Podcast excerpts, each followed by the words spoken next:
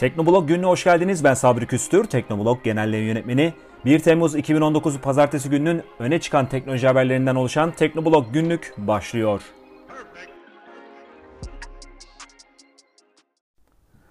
Huawei ABD tarafından uygulanan yaptırımların bir kısmından geçici olarak kurtuluyor.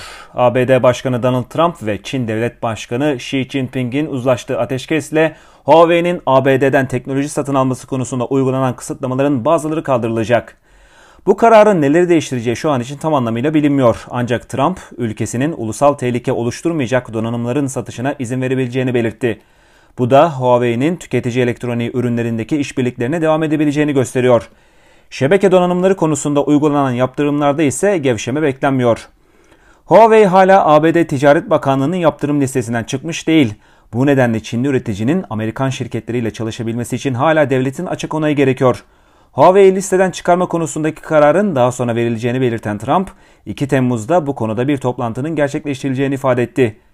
ABD'nin yaptırımları gevşetmesi daha geniş ölçekli bir uzlaşının parçası olarak değerlendirilebilir. Bu geniş ölçekli uzlaşının da teknoloji dünyasının tamamı için faydalı olduğu söylenebilir. Çin'den gelen ürünlere ekstra gümrük vergisi uygulama kararını süresiz olarak erteleyen ABD, bunun karşılığında Çin'e oldukça fazla miktarda tarımsal ürün satacak. Bu anlaşmayı kalıcı bir çözüm olarak nitelemek mümkün değil. Yine de ekstra gümrük vergisi nedeniyle üretimlerini Çin dışına taşımayı planlayan teknoloji şirketleri bir nebze de olsa rahatlayabilir.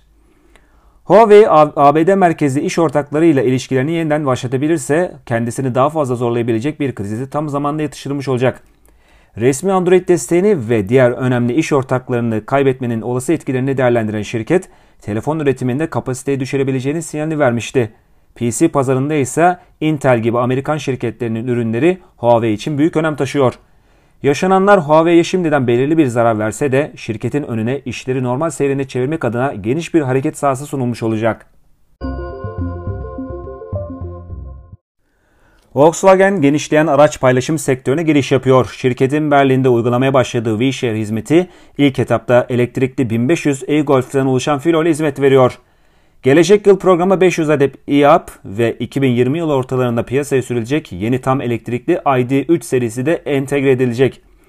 WeShare herhangi bir kiralama istasyonu ihtiyaç duymadan mobil uygulama üzerinden dijital olarak kullanılan bir serbest dolaşım free floating sistemi olarak nitelendiriliyor.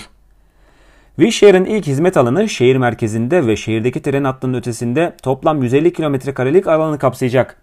Daha sonra filo genişletilerek bu alan büyütülecek. Hizmetin başlatılmasıyla müşteriler dakikası 19 centlik tarifelerden faydalanabilecek. Kayıt ve havalimanı ücretleri alınmayacak.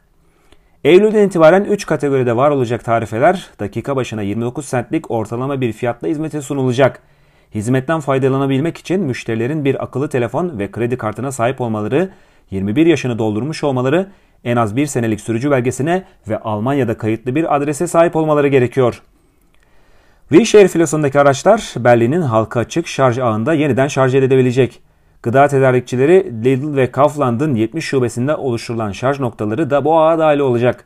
Volkswagen bir süre önce elektrikli araç filosunun işleyişinin korunması ve e-mobilite stratejisi çerçevesinde kamu alanlarındaki şarj altyapısının genişlemesinin hızlandırılması için Schwarz Grup şirketleriyle bir ortaklık anlaşması imzaladı. Volkswagen WeShare ile kendi Volkswagen V ekosistemine çekici bir mobilite hizmeti ekliyor. Almanya'da araç paylaşım hizmetini kullananların sayısı 2010'dan beri 14 kat arttı. 2010 yılında araç paylaşım hizmetine kayıtlı kullanıcı sayısı yalnızca 180 bin civarındayken bu sayı artarak 2019 yılı başında 2,46 milyona çıktı. Araç paylaşımı yaygınlaşmaya devam ediyor. Volkswagen V insanların kendi otomobilleri için mevcut tüm dijital hizmetleri ve daha fazlasını bir araya getiriyor. Park etmeyi kolaylaştıran V-Park, otomobilin yakınlarındaki ürün ve hizmetlerle ilgili kişisel tavsiyeler sunan V-Experience ve otomobilin bagajını bir kargo teslimat noktası haline getiren V-Deliver gibi uygulamalar başarılı bir şekilde başlatılan hizmetler arasında yer alıyor. Volkswagen V aracılığıyla sunulacak olan diğer hizmetlere araçlarda sık kullanılan kablosuz over-the-air yazılım güncellemeleri ve fonksiyonları da dahil olacak. Apple'ın servislerden sorumlu yöneticisi Eddie Q, şirketin yeni çevrim içi içerik platformu Apple TV Plus için izlemeyi planladığı strateji hakkında bilgi verdi. The Sunday Times'a konuşan Q, içerik sayısından çok içerik kalitesine önem verdiklerini dile getirdi. Apple yöneticisi sonbaharda faaliyete geçecek Apple TV Plus'tan beklentileri hakkında konuşmayı da ihmal etmedi. Apple'ın orijinal içeriklere yaklaşımı Netflix'inkinin tam tersi olarak nitelendirilebilir. Netflix daha fazla izleyici kazanmak için mümkün olduğunca fazla sayıda orijinal içerik sunmaya çalışıyor. Q ise Apple'ın hedefinin en çok orijinal içeriği sunmaktan ziyade en iyi orijinal içeriği sunmak olduğunu ifade etti. Netflix'in modelinde yanlış bir şey olmadığını söyleyen Apple'ın yöneticisi sadece bu modelin kendilerine uymadığını dile getirdi. Apple'ın çevrim içi içerik pazarına girişinin bir hayli geciktiği söylenebilir.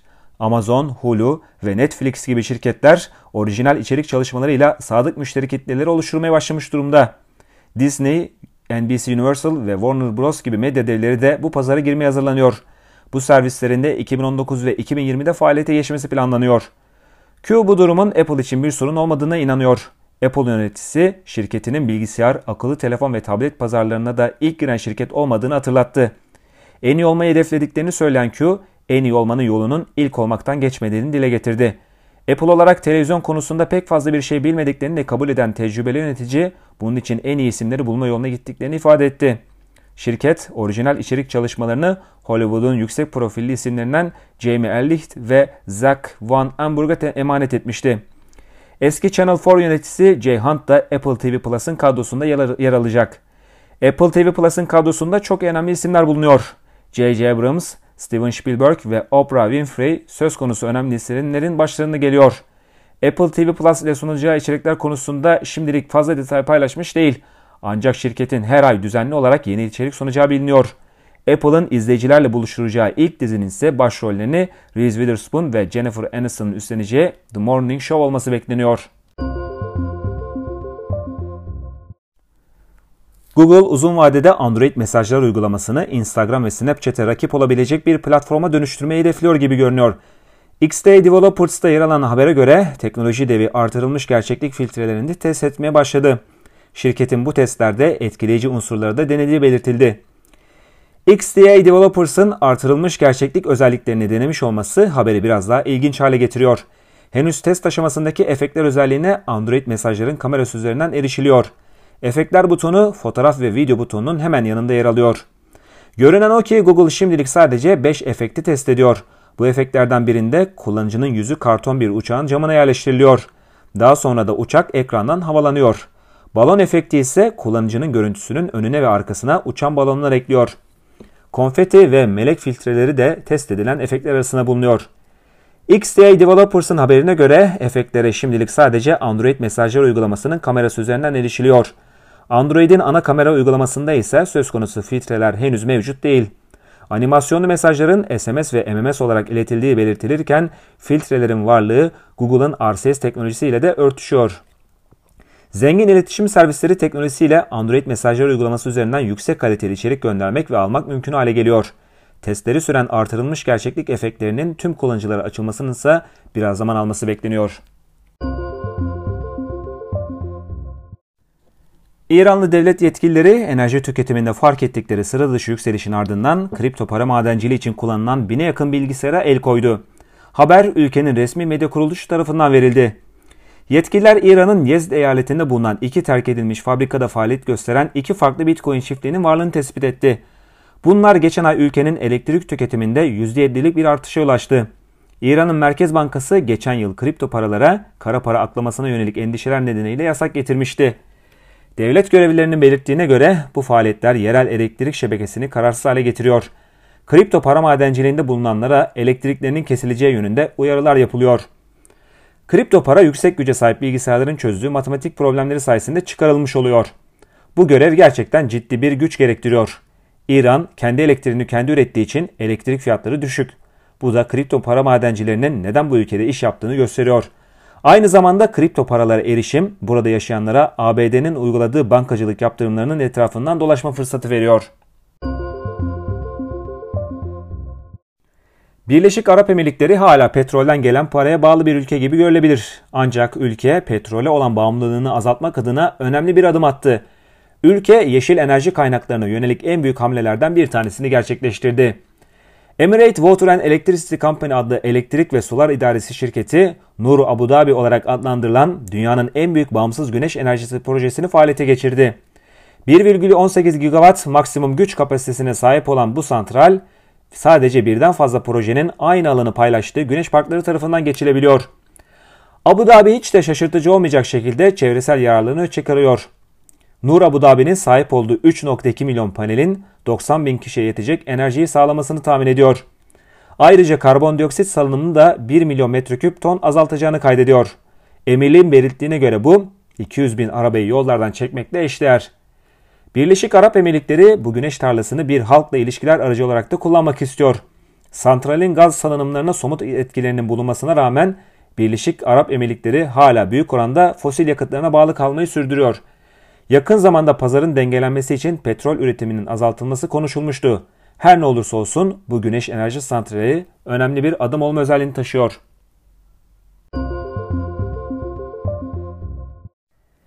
Apple News Plus geçtiğimiz Mart ayında tanıtılmış ve faaliyete geçmişti. Servisin macerası oldukça taze olsa da Apple şimdiden platforma neşter vurmaya hazırlanıyor gibi görünüyor. Business Insider'da yer habere göre şirket yayıncıların sorunlarını çözmek adına böyle bir hamle yapacak. İddialara göre Apple News Plus üzerinden yayıncıların cebine giren para Apple'ın projeksiyonlarının oldukça altında kaldı. Bu durum Apple'ı fazla zaman kaybetmeden harekete geçmeyi itmişe benziyor. Şirketin News Plus'ta hem okuyucuların hem de yayıncıların deneyimini geliştirecek değişiklikler yapacağı söyleniyor. Platformu daha sezgisel hale getirmeyi planlayan Apple'ın bu doğrultuda ücretli içerik etiketlerini daha belirgin kılacağı belirtiliyor. Halihazırda platformdaki ücretli makaleler yanlarındaki küçük News Plus etiketiyle ayırt edilebiliyor. Apple'ın yayıncıların sıkıntılarına ise nasıl çare bulacağı hep henüz bilinmiyor. Ancak yayıncıların öncelikli taleplerinin okuma seanslarının uzatılmasının teşvik edilmesi ve dergilerin Apple'ın formatına çevriminin kolaylaşması olduğu söyleniyor. Şirketten henüz konuyla ilgili bir açıklama ise gelmiş değil.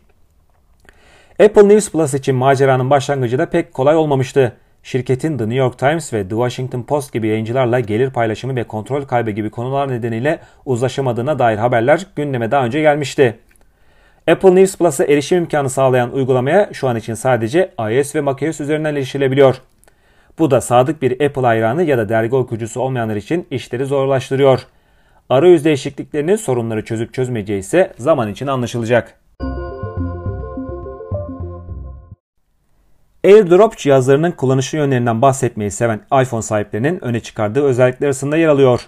Bu özellik sayesinde iPhone kullanıcıları birbirleriyle veya Apple markalı diğer ürünlerle rahatlıkla fotoğraf, belge ve bağlantı paylaşımı yapabiliyor.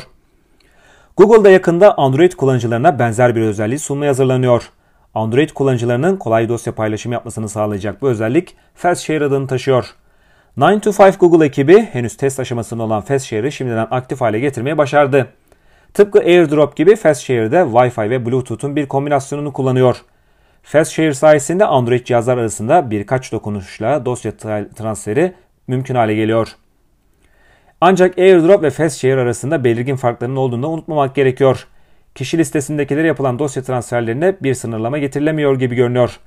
Tercihli görünürlük özelliği ise cihaz sahibinin favori kişileri tarafından FastShare kapalıyken bile görülebilmesi anlamına geliyor. FastShare'in örnek paylaşım ekranı ise özellik sayesinde Android telefonlar dışında Chromebook'lar, Wear OS saatler ve hatta iOS cihazlarla bile dosya paylaşımı yapılabileceğini gösteriyor. iOS ile paylaşımın özel iOS uygulaması üzerinden desteklenmesi muhtemel görünüyor. FastShare'in kullanıcılarla ne zaman buluşacağı ise şu an için bilinmiyor. Bir Google Play hizmetleri özelliği olan Google FastShare için Android Q'ya ihtiyaç duyulmuyor.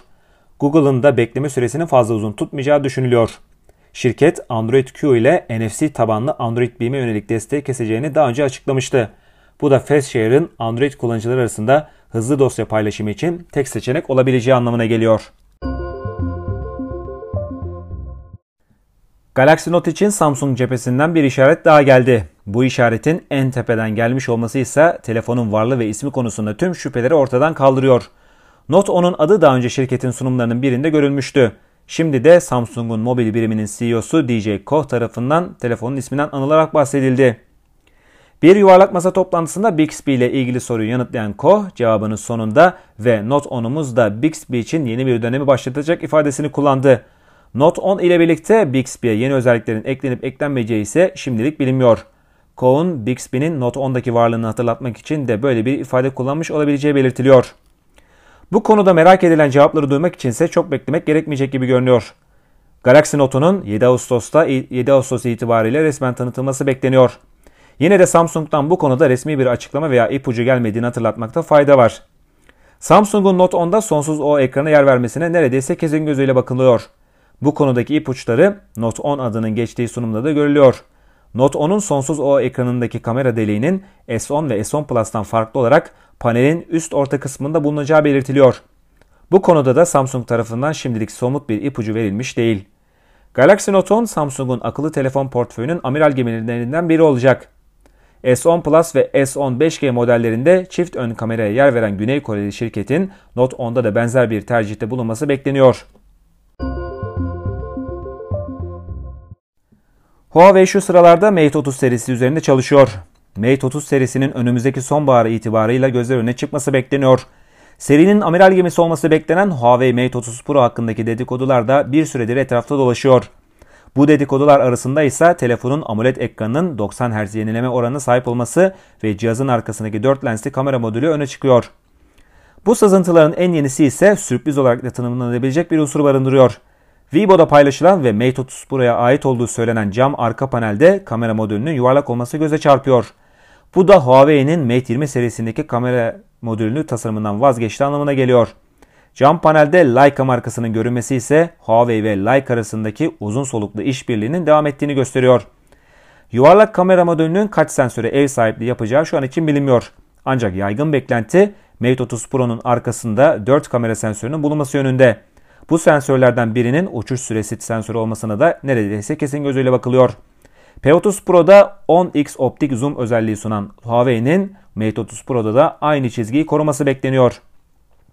Huawei kare, kamer, kam Huawei kare kamera modülü tasarımından vazgeçebilir. Ancak Apple ve Google gibi rakipleri bu tasarımı yeni yeni benimseyecek gibi görünüyor. Apple'ın iPhone 11'de, Google'ın da Pixel 4'te kare kamera modülleri kullanması bekleniyor. Dedikodulara göre Huawei Mate 30 Pro 7 nanometre mimarisiyle üretilen Kirin 985 Yonga setle gelecek. Balong 5000 5G modem de bu setin bir parçası olacak. Parmak izi tarayıcısına ev sahipliği yapması beklenen AMOLED ekranın sol üst köşesinde ise çift ön kameranın yerleştirildiği bir deliğin bulunması bekleniyor. Önümüzdeki dönemde Huawei Mate 30 Pro hakkında daha çok haber duymak şaşırtıcı olmayacak.